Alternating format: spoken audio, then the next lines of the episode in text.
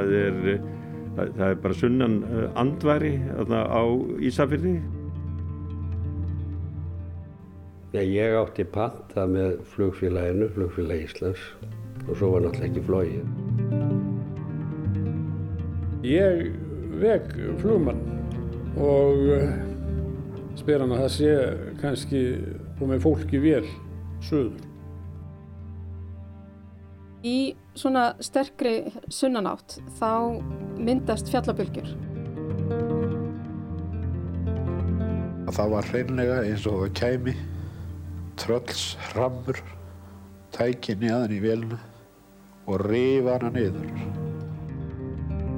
Þann 5. apríl 1986 heldu sjö manns í lítilli flugvél frá Ísafjörði til Reykjavíkur. Sjö manns sem reyttu sig á þann fljúandi faraskjóta til að komast leiðar sinnar. En ferðin fór öðruvísi en lagt var upp með og vélinn fóst í ljósufjöllum á Snæfellsnesi. Þetta var í raun og veru vestaveðri sem ég hef nokkuð tíma leitað í. Ég get ekki líst þessu öðru sig í minningunni 34 mánu síðan sko. Ég er lýsið svona með ljósinu mínu þarna inn í flaggið og þá snýr hann höfðinu í áttinu að ljósinu og horfir á mig sko. Maður lifir með þessu, maður gleymir aldrei. Ég átti opbáslega erfitt og bara all fjölskyldan í mörg ár. Þegar ég horfið tilbaka það hefði náttúrulega hefði við bara þurft á þessum tímapunkti áfallhjálp í fyrsta lagi sko. Það var ekkert svona í bóði nema eins og ég segi, söflið.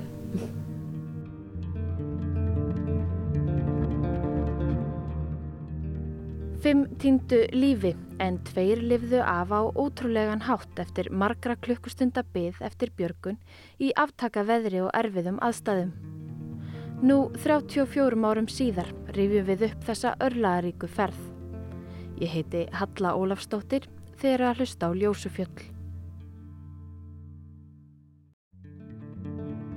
Ég var sjómar, dagurunum, ég er snýjum og hafið svona lett í smá oppi komið svo bara í land svona sólaring setna þegar það var bræla bara. Og notaði bara tíma til þess skiptjórið kasta mér í land. Þetta er Kristján Jón Guðmundsson borin og bartfættur bolvikingur í byrjun april 1986 var hann 29 ára og bjó í Reykjavík á samt konu sinni Drífu og tveimur dætrum en var á skipi sem gerði út frá Bólungavík Hvað kom fyrir hönduna þér? Ég stakk vasan í milli fingran og út á jarkanum þannig að litli fingurum fóru sambandi svona taugar og sinnar þannig að það var ónótaður. Hvað sögðu læknarnir hér? Pétur læknir, hann sagði að hann treysti sér ekki til þess að gera þetta og þetta þurfti aðgjörð til og hann talaði við læknar á Ísafjörði og segir eiginlega bara beindi þessu frá sér að ég þetta fara sögur. Það gæti ekki talsvist lengri tíma að komast sögur til Reykjavíkur en það gerir nú. Vegir að miklu leiti malarvegir, erfiðar heiðar og sjálfna rutt en nú er gert. Landleiðinu var svona, þetta var, menn voru ekkert að fara þetta, þetta voru á þessum tíma. Þetta voru svona svaðilferðir, þetta var ekki eins og í dag að menn bara breyða sér frekar upp í bíl og keira sögur. Það var ekkert eiginlega um, um það að ræða þannig. Mm -hmm. Það var bara flugið.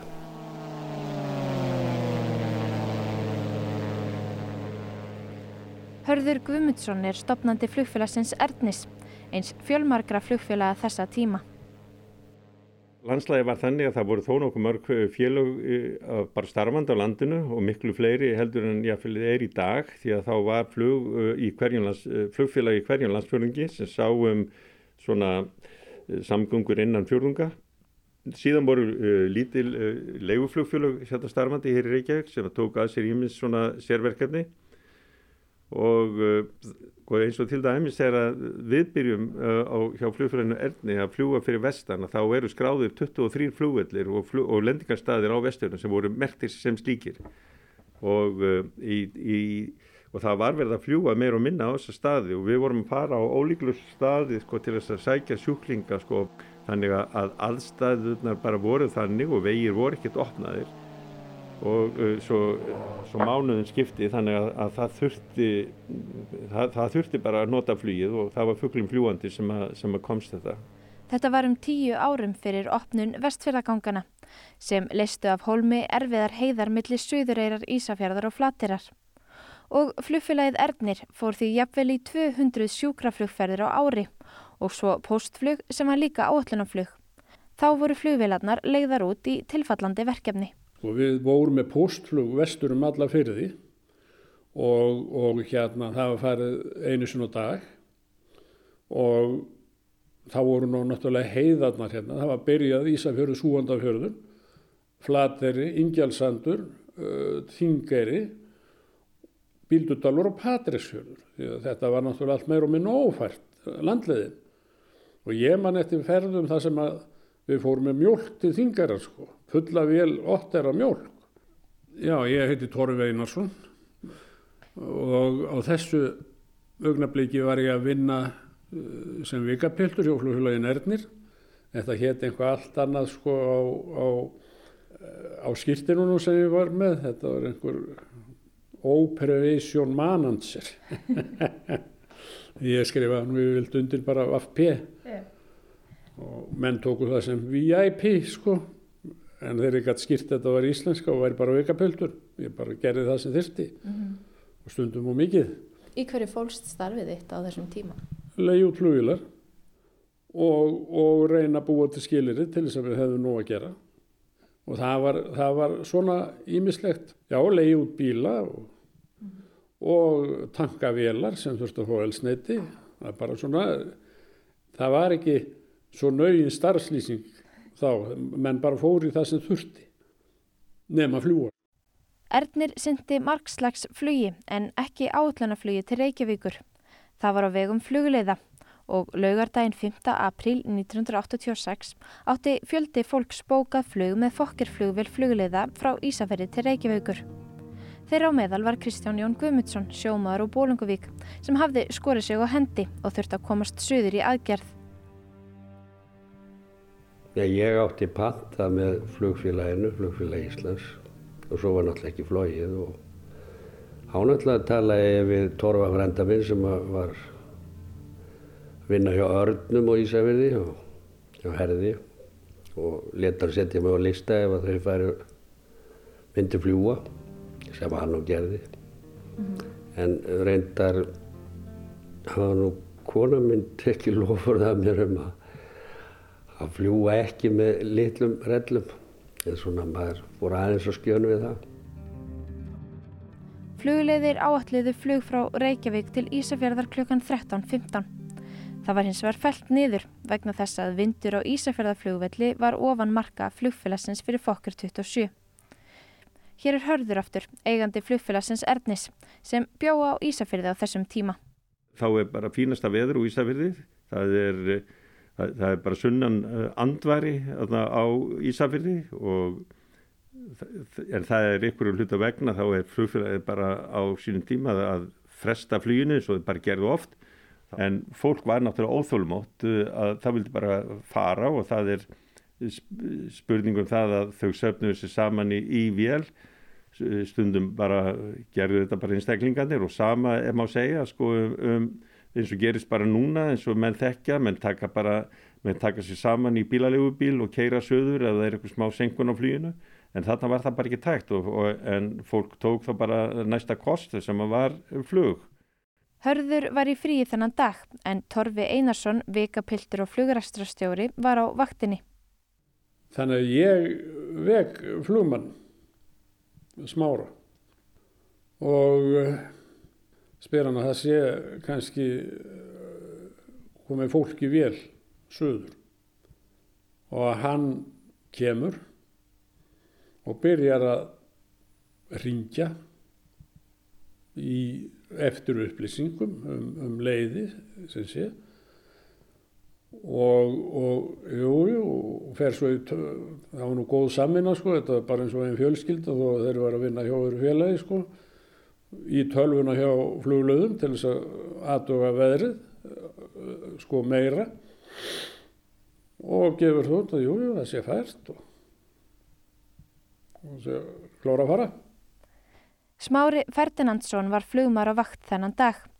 Hann undirbjó flugið á TF Orm, einna flugvilum Ernis og skoðaði veður upplýsingar í tölvukerfi flugliða í flugstöðinu og Ísafjörðaflugvelli. Hér er hörður eftir.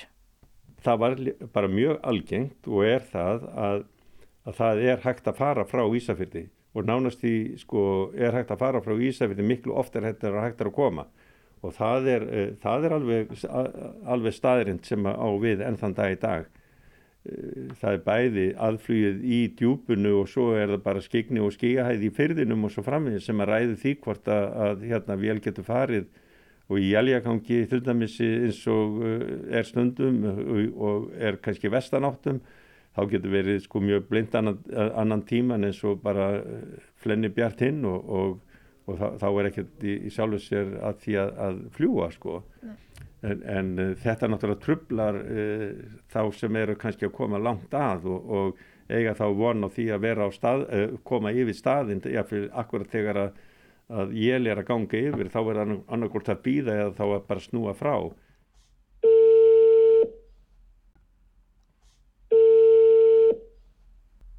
Halló. Sæl, þetta er Halla. Já, sæl. Sæl. Þetta er Gríma Huld Blangsdóttir, unnusta Smára Ferdinandssonar flugmanns. Í apríl 1986 höfðu verið saman í um þrjú ár. Við kynntumst bara fætti að máta í þúrskapi. Gamla góða máta, það er ballið þann, það er bara einfalt. það var bara einfalt mál. Það var bara ástu vitur líf. Það var bara hann. Það var okkur báðum, það var bara hann. Hvernig típa var Smári? Afskapla rólegur og yfirverðan maður, góður maður. Ákallega svona umbyggjusamur og, og bara góður maður. Það hefði óbáslega bara mikið persónleika og nærveru. Smári var 34 ára. Hann hafði verið með atvinnum flugmannsréttindi í 13 ár og starfað fyrir Erni í 2 ár. Hann var með talsverða reynslu og flög mikið hjá félaginu. Sem dæmi má nefna að síðustu fimm dagana áður en hann held í ferðina suðu til Reykjavíkur hafði hann flóið 26 flugleggi enda stutt á milli vestfiskra fjörða. Ég vissi bara hvernig flugmannsmári var því ég flög svo mikið með hann og ég treysti honum yngum og ég var hvernig reyna besti vilni hjá honum. Það bara hann hafði þannig áhrif af fólk og hann doppeltekka allt á hann fólk, alveg bæði búkað sem hann segir. Og hann var mjög þægileg flugmann, tók enga áhættu. Þannig sé ég það sem ég kynst allan. Já. þannig að ég þekkti vel til hans hvernig hann flög og allan. Ég var búin að vera það mikið með hann í postfluginu hann var hann allir stundu fyrir sérstaklega sumar í 84 var ég mikið og flög mikið með hann hann kynnti þarna allir vissverðum sko. Smári gerði flugállun og sendi flugstjórnarmiðstöðin í Reykjavík. Áallu brottför var klukkan 12 og 57 minnum síðar ætlaði hann að lenda í Reykjavík.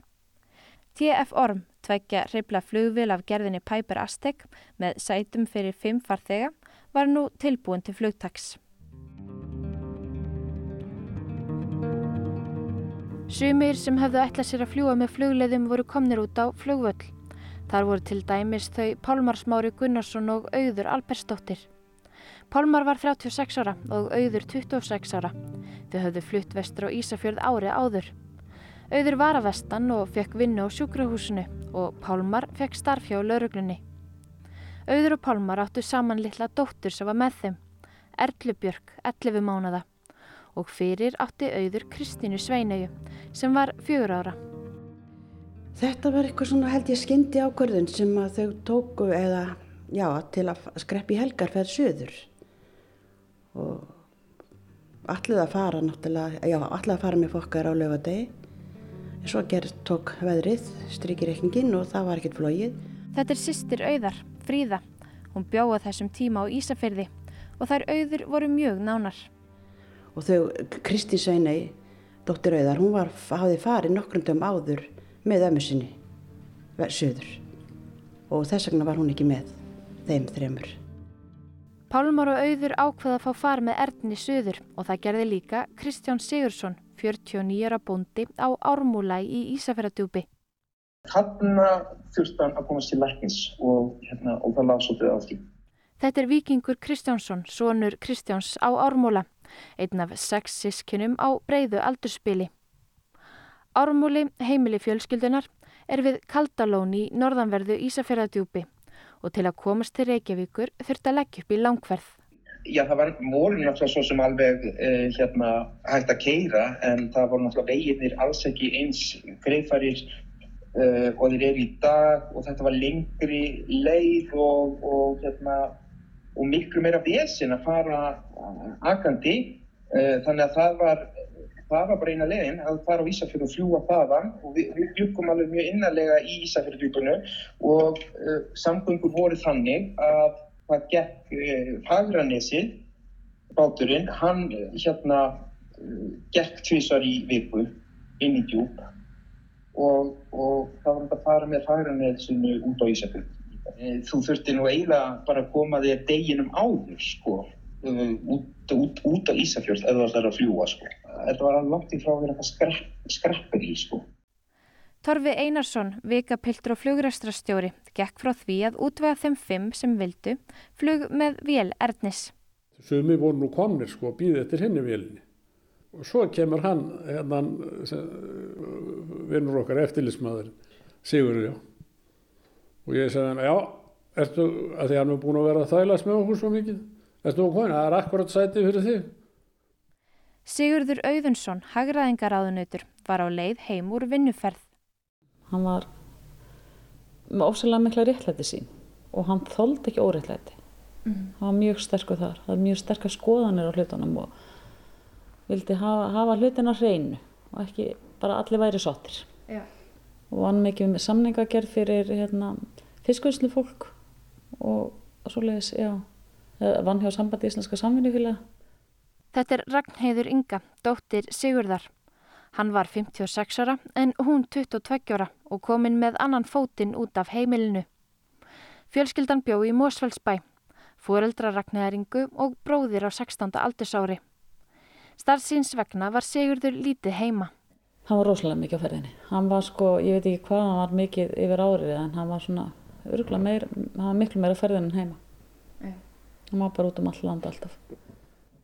TF Orm, vél flugfélagsins Erdnis, var tilbúindi flugtaks á Ísafjörðaflugvilli og Torfi Einarsson, vikapiltur fyrir flugfélagið, hafiði útvegað ferðalöngum sæti og þar með Kristjáni Jóni, frænda sínum og sjómanu úr Bólungavík sem hafði skorið sig á hendi. Þá var ringdi Torfi, já ringdi reyndar heim í mömmu, þá var hann lengi farsímar og og hún let gera bóðu, ég var bara með inn í sundlu og var í sturtu og með plastboka og svona. Og hérna ég, sýsti mín náði í mig og, og keifði mig inn eftir, ég var orðin allt og setn og var að vona það bara vélum væri farin en hún beigði eftir mér. Það er svona eins og venjulega, venjulega fyrstur út og hérna reyðjast þarna og settist aftast vinstra meginn og ég gerði það og og svo komu það voru tvö samlíkjandi sæti og svo kom Pálmarinn og Auður með lítið barn og þannig að ég bauði þeim að hvort þau vildi ekki setja setja þarna að það væri betra fyrir það að færi um þau með barnið og svona færði mér bara einu sæti framar satt á verið aftan flugstjóran þannig að já, ég maður svona röndist alltaf fyrstur út og vera fyrsturinn á vinstra meginn aftast, það var eitthvað svona, eitthvað lukkusæti. Um borði í vélina komu auk Kristján Sjóns, sex manns. Smári flugmaður satt fremst vinstra meginn í vélinni og Kristján Bóndi frá Ármúla sem var á leiði læknismeðferð satt við hlið hans. Kristján Jón satt fyrir aftan flugmannin og Sigurður Auðunsson hagraðingaráðunautur á leið heim úr vinnuferð við hlið hans. Aftast sátu þau Pálmur og auður á samt dóttur þeirra Erlubjörg á leið suður í frí þar sem fjögur ára dóttir auðar Kristín Sveinei beigðara. Brottfur dróst vegna óhagstaðs vinds á Ísafjörðaflugvelli. Vindurinn var tíu nútar sem er um 5 metrar á sekundu og blés upp í 20 hnúta sem er um 10 metrar á sekundu. Þetta var innan þeirra marka sem flugfélagið Ernir setti fyrir vélina sína. Flugvélinn TF Orm fór loks af stað klukkan 12.30 og var áallad að lendum klukkan halv 2 í Reykjavík. Ekki vissu þó allir aðstandendur að ástvinnir þeirra værum borð. Það vissi þó fjölskylda Sigurðar. Hér er Ragnhauður Inga, dóttir hans. Allavega ringir hann bara í mömmu og segi ég fæ, hérna, far með e, flugfélagan Erni, þeir eru að fara söður af því að hérna, fluglega er ekki að fara. Og þá og mamma bara segi já og ég var komin eftir, þú veist, klukkutíma eða hvað það var sko. Mm -hmm. Og þannig við vissum að hann var í vilni. Flugvillin tókst á loft og tók fljótlega stefnuna söðu til Reykjavíkur. Pálmar Smáru Gunnarsson, lauruglumæður, lísti flugferðinni í viðtali við Ómar Ragnarsson í apríl 1986. Flugumæðurinn, hann virtist vera mjög, mjög yfir, yfirvegað meina ég nú. Nú þetta gekk alveg, alveg, alveg í somanum. Vélinn hún reyðist aldrei og neitt að gagni nema svona bara smá, smá eins og, eins og gengur þegar maður er, a, er að fljúa milli, milli Ísafjörðar og Reykjavík. Það getur komið smá svona títringur en það var aldrei neitt, aldrei neitt. maður hefur hún fundið, fundið að vera. Nú fljótlega eftir að kemst kyrð á að þá, þá sopna litla stúlkar í hangir á mér. Klukkan 12.41, 11 mínutum eftir flugtak, kallaði Smári í flugstjórnarmiðstöðina í Reykjavík og tilkynntum flugtak. Vélinn var í 8000 feta hæð og áallega að vera yfir Stikkishólmsflugvelli klukkan 13.02. Veðri var þannig að það var sérstaklega sunnanátt, það var fremur kvöss og hlý sunnanátt uh, og það var sérstaklega berast loft langt söður, söður úr hafi að, að vestaveri landinu og uh, úti fyrir, fyrir vesturlandi voru kuldaskil sem voru svona hægt og rólega þokast inn á landið þennan morgun og framöftir, framöftir degi með mm. þá og þá rigning í þeim. Já, ég heiti Guðrún Nína Pettersen og er veðurfræðingur á, á veðurstofunni mm -hmm. á úrvinnsla landsvarmarsviði. Já, í svona sterkri hérna sunnanátt þá myndast fjallabölgjur, sérstaklega á Snæfellsnesi en reyndar geta líka myndast af sjálfum hérna vestfjara kálkanum, kálkanum sjálfum. Þannig og það er, á vestfjörum er þá kvast yfir fjöllunum þannig að það getur verið mikill munur á vindi niður í fjörðum og, og upp á fjöllunum sjálfum. Í skýslu flugslisanemdar kemur fram að TF Orm var yfir glámuhálundin á vestfjörðum austur á botni Arnafjörðar klukkan 12.50 og miðaði hægt áfram. Tveimur mínútum síðar, skamt norður af norðurströnd Breiðafjörðar, kallaði Smári í flugstjórnarmiðstöð. Flugstjórn, Otto Ragnar Magnús, læri hæð. Óskar eftir læri hæð? Já. Egnar blik. Ragnar Magnús, það er heimilt fluglag 6-0. Fluglag 6-0, Magnús. Smári flugmaður fekk leifi til að lækka flugið úr 8.000 fetum í 6.000 fet. Vélinn barðist á móti vindinum og samkvæmt skýrslu flugslösa nefndar hafði Smári gert ráð fyrir því að fljúa 160 hnúta hraði við breyðafjörð en var þessi stað á um 80 hnútum. Til viðmöðunar eru 160 hnútar um 296 km á klukkustund og 80 hnútar því um 148 km á klukkustund. Sunnanáttin var farin að blása af miklum krafti og þá skapast erfið skilirði fyrir flug. Hér er Guðrún Nína aftur, veðufræðingur. Og það er þannig með loft. Ég tala oft um að loft reyna alltaf að spara orku. Það er að segja að það er ekkert að fara eitthvað sem er erfiðara eða til léttarleið. Ef það er lítill vindur og lofti sem streymir að fjalli þá er líklega bara auðvildast að fara kringu fjallið. En, en ef, ef það er meiri vindur þá er kannski auðvildar að fara yfir það og sérstaklega þú ert komið fjallgarða að þá, er, þá kostar það miklu orku að fara í kringu fjallgarðin þannig að þá er, er yfirleitt allt loftið þvingað til þess að fara yfir fjallið. Og þá þvingast þá loftið að vill vera, þetta er svona temmilega stöðuð loft í þessum tilökum og þá vill að hérna halda hæðinni sem það var í. Þannig að það er þvingað yfir fjallið og svo fer það niður þegar það komið yfir fjallið en það fer yfirleitt aðeins of langt niður. Það, það er að reyna að hitta aftur á hæðina sem það var í fyrir en, en það yfirskýtur og svo þarf það að þá leiðrétt aftur og þá yfirskýtur það aftur og þannig myndar þessa bylgjur svona koll að kolli áfram mm -hmm. uh, og það er svona mis, mismunandi hver, hver langt að ná. Stundum eru engar hlýjabilgjur og þetta næst bara lagast nokkuð fljótt en, en í mörgum tilfellum fáum við bilgjur e, til dæmis bara yfir allan breyðafjörðin. Samskipti flugstjórnarmiðstöðar og aðflugstjórnar Reykjavíkuflugvallar koma fram í skýslu flugsleisanemdar en flugumferðarstjóra var ljóst að TF-orm var að senka í mótvindinum og því var áallad að í stað þess að vélinn lendi klukkan halv tvö í Reykjavík er það klukkan tvö. Áður var búið að senka lendingu í Reykjavík um 13 mínútur. Já. Síðan er það ormur frá Ísafri. Ég veit ekki hvað það segir um hann. Fylst var með ferðum TF Orm á Ratsjá og klukkan 13.17 upplýsti flugstjórnamiðstöð að flugstjórn fyrir Reykjavíkuflúvöll um ferðir vélareinar og að hún erði bráðum afhend og myndi halda sig í 6.000 feta hæð. Hann rétt tommar áfram. Við skulum segja 14 minnir. Já, hann fyrir það bara aftur að baka til Ísafjörðars ef hann tommar ekki. Já, hann er á 6-0 og verður þar aðeins á bándari. Pálmar Smáru Gunnarsson farþegi í vélinni sagði frá flugferðinni í viðtali við Ómar Ragnarsson í april 1986.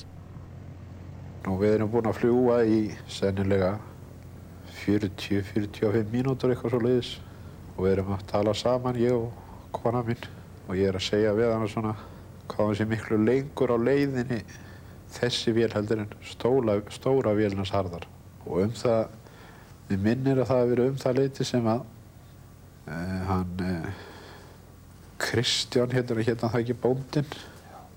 Hann satt fram í hjá flugmannum og tók ég eftir því að, og heyrði, heyrði tal þeirra að hann var að segja erum við enþá yfir breyðafyrðinum er svona mikill mótvöndur erum við enþá yfir breyðafyrðinum og og hann jánkaði því hans mári flugmaður.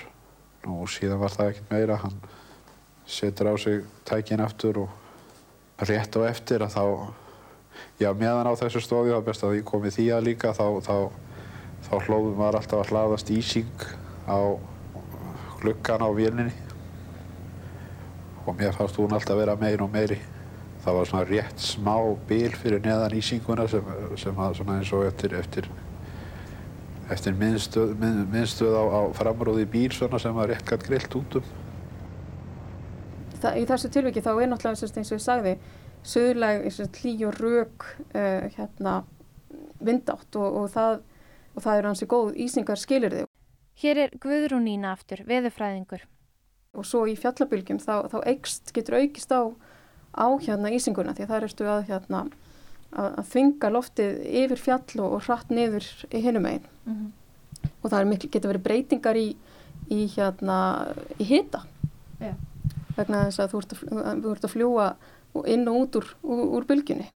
Það er mjög algengt náttúrulega að koma ísing bara á vélar í skýjum og, og ef hún er lítil þá, þá, þá er það nú ekki sem sagt að öllu jöfnu uh, hættumerki en að ísing er alltaf slæm á flugvelar samt sem áður.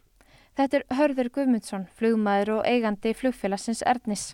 Og uh, það er ísvarna búnaður á þessum vélum og, og var á þessari vél líka þar sem að, að uh, vangbrúnin er, er uh, það sest nú bara á, á vangbrúnir og, og já, neflugvelarn og svona þessum stendur út úr en mikið lýsing er bara sagt, ákveðið svona hættumerki og það, það dregur úr uh, flughæfni vélarinnar ef hún er mikið ísuð og en yfirleitt er hægt að, að koma sér frá vísingu með því að annarkvært hækka flugið um, um 1 eða 2000 fet eða ég vil lækka um 1 eða 2000 fet það getur verið nóg til þess að koma sér uh, út úr vísingu eða þá að reyna þá að, að fljúa uh, ofar skýjum sem er orðið algengara núna með þeim flugulu sem eru almennt notaður í áallanarflugi í dag. Þær eru flestar útbúnar þá jafntristi búnaði að auki fyrir þetta náttúrulega öflugt afvísingarbúnað og með því að vera með jafntristi búnað þá eru vélar í dag almennt að fljúa á milli landsluta ofar skíum.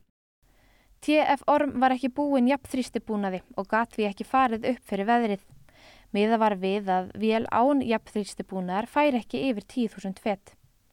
Kristján Jón Guðmundsson, sjómaður úr Bólungavík, varð eins og aðri farþegar um borð var við Ísinguna þegar flugvilinn flög í skíjónum yfir breyðafyrði. Já, það var nú eitthvað settist eitthvað, já, var eitthvað ísing og svona smá ókið. Ég held að, ég hef nú alltaf verið svona, svolítið háður því að sjá út og hérna, ekkert vel við að vera að fljúa í, í þóku þar sem maður sér ekkert út að mikið skára að vera að fljúa og sér maður þá bara hvort hún er að fara niður eða hvað, hvert hún er að fara en ég það var ekki, ekki gott skipnir. Ég man það svona maður sá lítið út. Klukkan 13.20 kallaði Smári Ferdinandsson flugmar á TF Orm í flugstjórnamiðstöð sem, samkvæmt skýslu flugslisanemdar, svaraði. Ragnar Magnús, viltu segja aftur? Stiltrúli og spyrtu Ormus. Ragnar Magnús, það er heimilt í 5.000 fett. Smári óskaði eftir að fá að lækka flugið enn meira og vildi þar með fá heimilega lámarksflughæði við Snæfellsnesfjallgarðin. Sú hæðir þó aðeins um 300 metra yfir fjöllunum. Klukkan 13.22 ringdi flugstjórnamiðstöð í aðflugstjórn Reykjavíkuflugvallar. Já. Herðu, ormurinn? Já. Það er nú svo kvast hjá honum að hann vilti fara niður í lámark. Ég gaf hann í góðri trú 5.000 fett. Gastu hann það í góðri trú, já? Um að verður ekkert óhulega kross. Já, nei, nei, það eru náttúrulega 4-15 lámark, sko. Þegar búið að vera identifera hann. Já, já, hann var identiferaður hjá Stíkisólmi og já, það er ekki nema 5.000 á öllum erfiðinum og reyndur þessum sektor líka. Já. Jú. Já, það ætti að vera í lægi, er það ekki? Jú, jú. Já, ok, ég sé hann. Já, já. Ok.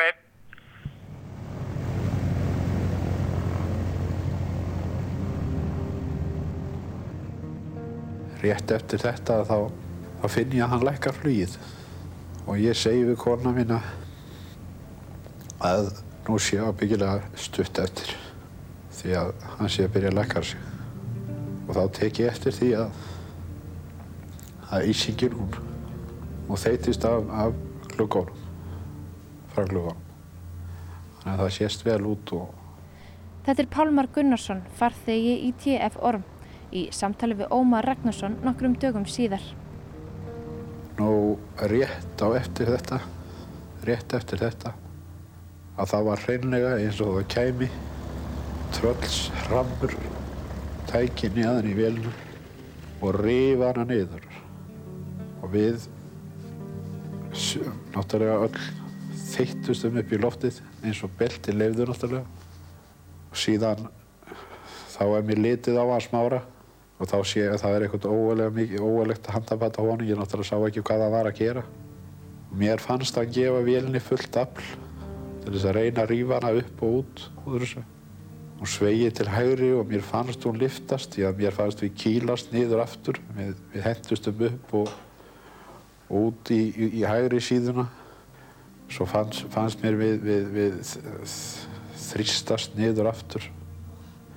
Þá, sem, já, þá sem, fannst mér hann, fannst mér hann beigja bey, vélni og meðan á öllu þessum óbótlegu hrigalegu átökum stóð og óhljóðun og veinin í fólkinu og þá hrópaði ég upp fyrir mig. Guð almáttugur blessi alla sem er borðið þessari vél og síðan kastast ég út í hliðina mín megin og þá sé ég út um gluggana að hann er alveg í hlýðinni og hrópa Guðminn almáttugur, hann flýgur utan í fjallslíðinni.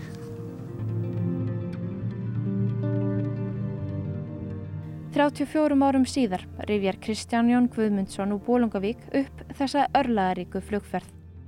Svona það sem er mann skást að það sá fyrir mér, sá hérna bara kletta og svona og snjó og hérna var svona ímynda eða var að segja við sjálf að mér að það myndi, myndi engin ná í okkur ynga þannig að það var svona, það væri mann gerði sér greið fyrir því að vélið væri að fara niður sko, það var náttúrulega ekki langt niður svo sem en svo mann ekkert meira eftir það.